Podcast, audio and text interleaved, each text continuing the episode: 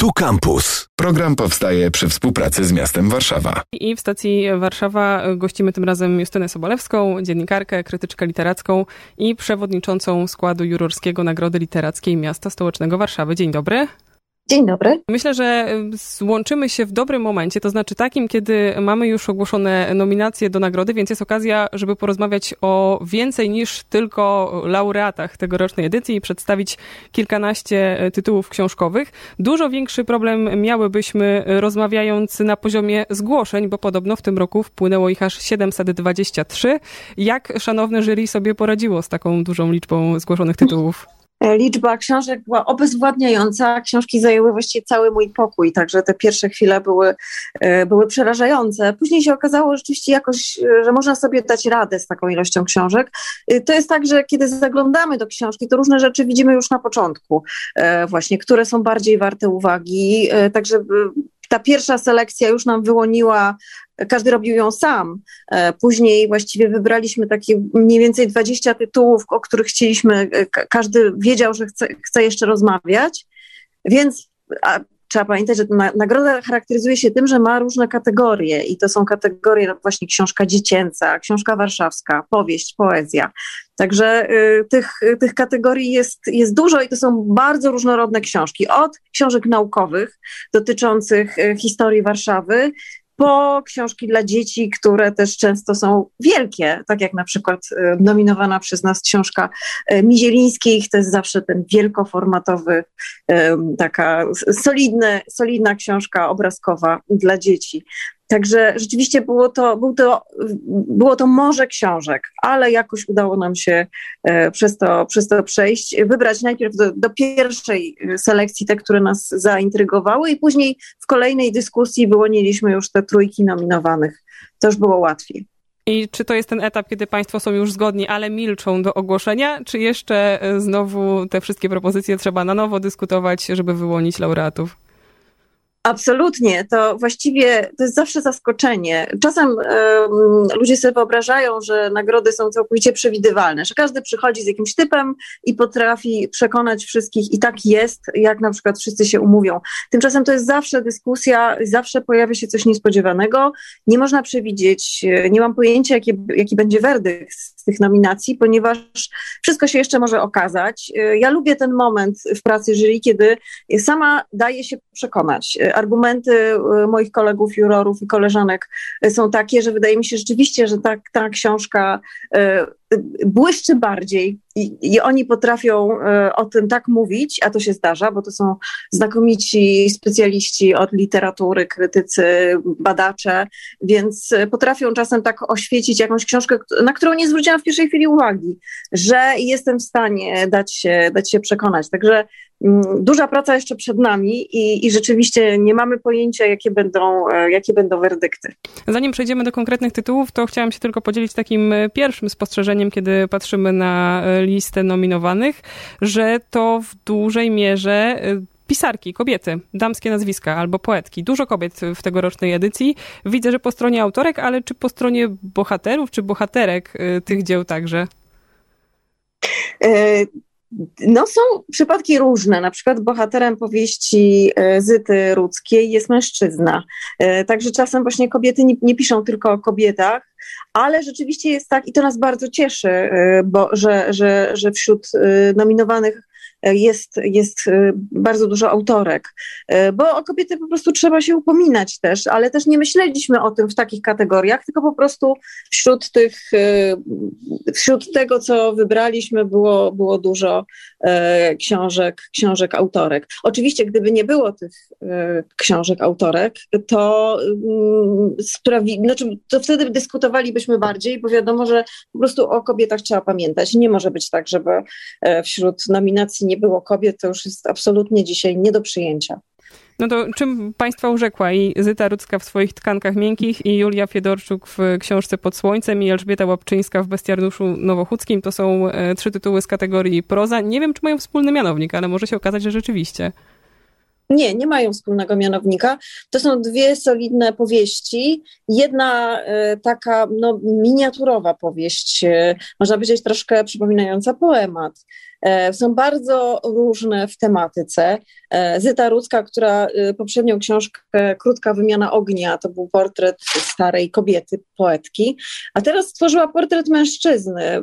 Tak sobie to nazywam, portret mężczyzny w czasach słabości. Bo rzeczywiście ten mężczyzna to jest właściwie ojciec i syn.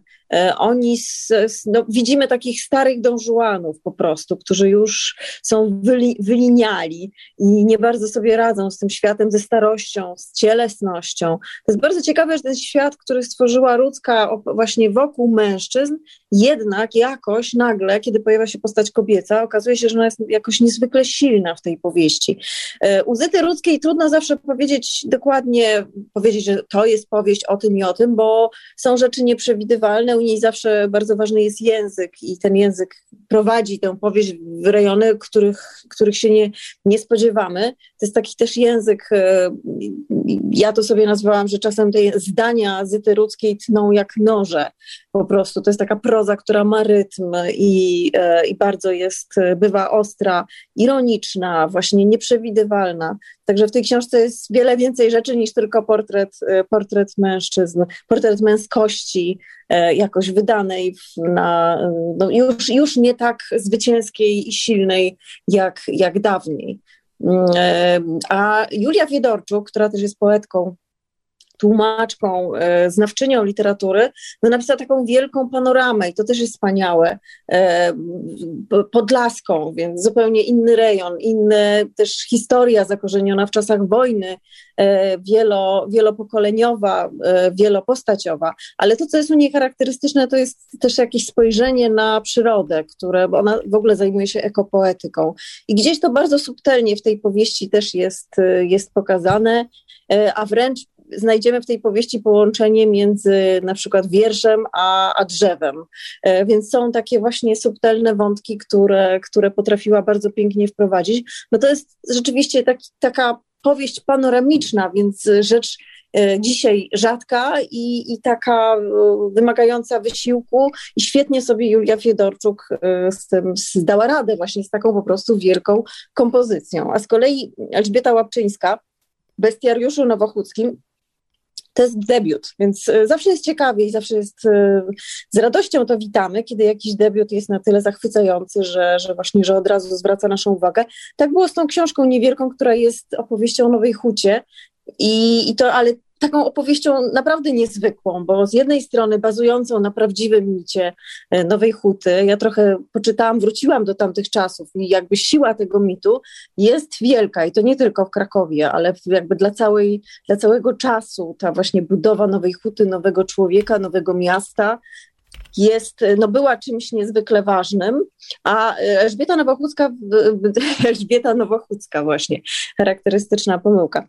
Łapczyńska wydobywa też jakąś grozę tej, tego, tego przedsięwzięcia, zamienia go w ogóle w jakąś taką, no coś żywego po prostu. Ta Nowa Huta staje się już nie miastem, ale jakimś po prostu potworem.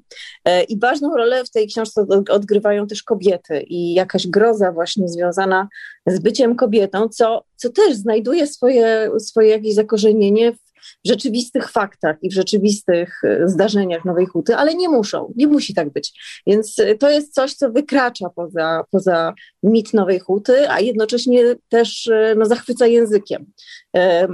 Ma się takie wrażenie, że rzeczywiście pojawiła się nowa autorka w literaturze, która bardzo trzyma ten język w garści i fantastycznie potrafi właśnie tworzyć obrazy, wręcz na granicy poematu. Czasem mamy wrażenie, że tutaj w ogóle zamiast prozy mamy już wiersz. Z nami wciąż Justyna Sobolewska, dziennikarka, krytyczka literacka. Dzisiaj jako przewodnicząca jury Nagrody Literackiej Miasta Stołecznego Warszawy udało nam się e, pokazać wam pierwszą kategorię, czyli prozę nominowaną i autorki. Tak się złożyło, że same kobiety, e, które w tej finałowej trójce się znalazły. Przed nami kategorie trzy i bardzo mało czasu, więc zaczniemy jeszcze od takiej, od takiej e, kategorii, która może być bliska miłośnikom Warszawy, czyli książki warszawskiej.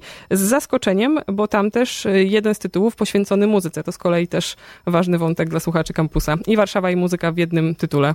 Tak, w ogóle ta kategoria jest zaskakująca, e, ale książka e, Rafała Książyka e, właśnie jest można powiedzieć, że nie dotyczy tylko Warszawy, ale jednocześnie ten wątek warszawski, e, muzyki czasów transformacji, właśnie 89, 90, początek lat 90., e, jest bardzo ważny w tej książce. Jest ona fantastycznie napisana i zaczyna się od Pałacu Kultury i Roberta Brylewskiego, i, e, a potem przenosi nas, no właśnie, z tej Warszawy w rozmaite miejsca, też rozmaite, do, do rozmaitych klubów i ten klimat muzyki jest, jest niesamowity. Także zdecydowaliśmy się, że że, jest to tak świetna książka, że, że jakoś tę warszawskość e, wydobędziemy e, przy jej okazji, e, a jednocześnie inne miasta mogą być też, też tutaj jakoś częściowo obecne, bo jest to po prostu książka o muzyce polskiej tamtego czasu. Drugim zaskoczeniem w tej kategorii to jest książka Agaty Tuszyńskiej i Iwony Chmielewskiej Mama zawsze wraca, ponieważ ta książka została zgłoszona jako w kategorii literatura dziecięca, ponieważ no jest to książka z ilustracjami, ale nie jest to książka dla dzieci. Nie jest to książka dla dzieci. Iwona Chmielewska, znaczy po pierwsze, pierwszym nowum jest, że mm, to jest książka dwóch autorek. To nie jest książka Agaty Tuszyńskiej, jest zilustrowana przez Iwonę Chmielewską. Iwona Chmielewska jest światowej sławy e, graficzką, e, ilustratorką, która sama tworzy książki e, właśnie graficzne. Zebrała wiele nagród na całym świecie. I tu tutaj o, to o dwóch autorek, o pewnej historii e, dziewczynce z, z warszawskiego getta, historia przeżycia, e, zilustrowana tak, że właściwie, że chwyta zagadło. Cała historia jest taka, że ja no muszę powiedzieć, że po prostu byłam e, z trudem się nie popłakałam po prostu przy tej książce, mimo że jest ona napisana bardzo, bardzo chłodno. To nie jest książka, która ma wywołać w nas emocje, ale jest to no, poruszająca historia, wspaniale opowiedziana, zilustrowana zupełnie genialnie. Myślę, że Myślę, że dla starszych dzieci też, ale przede wszystkim dla dorosłych. I, I może to też jest ważne, żeby zwrócić uwagę, że dorośli właśnie książki ilustrowane w taki sposób yy, i że, że jest taki właśnie przedział książki graficznej, yy, której niekoniecznie trzeba wkładać do, do działu dziecięcego. Także jest to nowum i yy, musieliśmy też przedyskutować to z miastem, no bo właśnie to jest książka dwóch dwóch autorek. E, I trzecia rzecz, najbardziej charakterystyczna, najbardziej jakby typowa dla kategorii warszawskiej, to jest książka e, Grzegorza Piątka, mm, e, Najlepsze miasto świata, autora zresztą już laureata Nagrody Warszawskiej za kilka lat temu. Książka zachwycająca i nie tylko dla warszawiaków, to jest opowieść o odbudowie, planie odbudowy Warszawy, ale też o tym właśnie planowaniu miasta, które zostało zrujnowane, czyli pod względem architektonicznym było taką przestrzenią przestrzenią no, sporej, sporej wolności i rozmaitych właśnie planów. E, opowiada o tym wielkim zrywie odbudowy, o tym właściwie, co trudno sobie dzisiaj wyobrazić, czyli jak możliwe, że z tej kupy gruzów powstało miasto. Po prostu nie może, jak się pomyśli o tym, jak to wtedy wyglądało, to jest to nie, nie do pomyślenia. Ale to jest opowieść nie tylko dla warszawiaków, to jest opowieść o planowaniu, o projektowaniu, a tego nam brakuje w dzisiejszym świecie i w dzisiejszych polskich miastach, Także mm, w sposób też fantastyczny Grzegorz Piątek opowiada.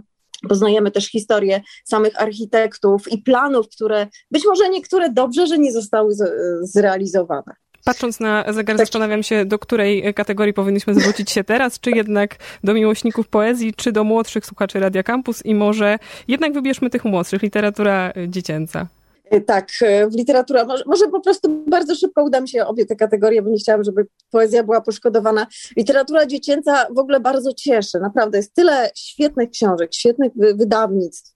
E, musimy zwrócić uwagę, że tutaj właśnie w kolej, kolejny raz pojawia się wydawnictwo Dwie Siostry e, tutaj e, i trudno, żeby się nie pojawiało, bo właśnie u nich, u, w tym wydawnictwie bardzo często pojawiają się wspaniałe książki. Wizielińscy to, to jest klasa światowa i pamiętam właśnie wizyty w najdalszych najróżniejszych zakątkach świata, gdzie książki e, tego duetu są obecne i taki jest właśnie, taka jest właśnie Parki Narodowe, e, droga do Yellowstone, którą, którą żeśmy wyłonili. Dwie pozostałe książki też są ciekawe, bo, e, bo jedna opowiada o tym, skąd się biorą dzieci. Wydaje mi się, że to, to jest taki temat bardzo ważny i też bardzo dobrze to jest, to jest znowu opowiedziane, zilustrowane przez Mariannę Sztymę i Rafał Witek, też znakomity autor dla dzieci z przedszkolem imienia Barbary Wiewiórki. To jest książka, którą dzieci uwielbiają i tu żeśmy się wszyscy dogadali, że kto miał młodsze dzieci, to po prostu ta książka natychmiast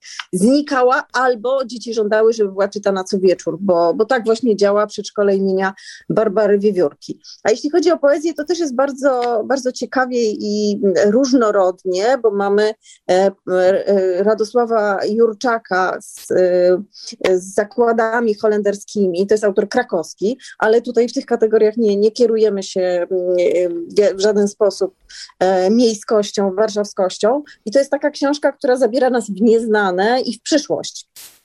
To jest książka, w której cybernetyka, fizyka łączy się z e, wątkami literackimi, e, z rozmaitymi e, odniesieniami poetyckimi. Mhm. Jednocześnie, pomimo tego bagażu wiedzy, to jest, to jest książka bardzo piękna i bardzo poetycka. To ja wskakuję Druga teraz autorka, w słowo, tak. właśnie, żeby znaleźć kompromis między naszą dobrą wolą, a czasem antenowym i może po prostu wskażę tytuły. Genowefa Jakubowska, Fijałkowska, Dobrze. Rośliny mięsożerne, Joanna Bociąg, Boję się o ostatnią kobietę. To jest tytuł drugi drugiego z trzech tomików poezji i skoro tak skracam, to znak, że musimy pożegnać Justynę Sobolewską, e, dziennikarkę, krytyczkę literacką, przewodniczącą e, tegorocznej Nagrody Literackiej Miasta Stołecznego Warszawy.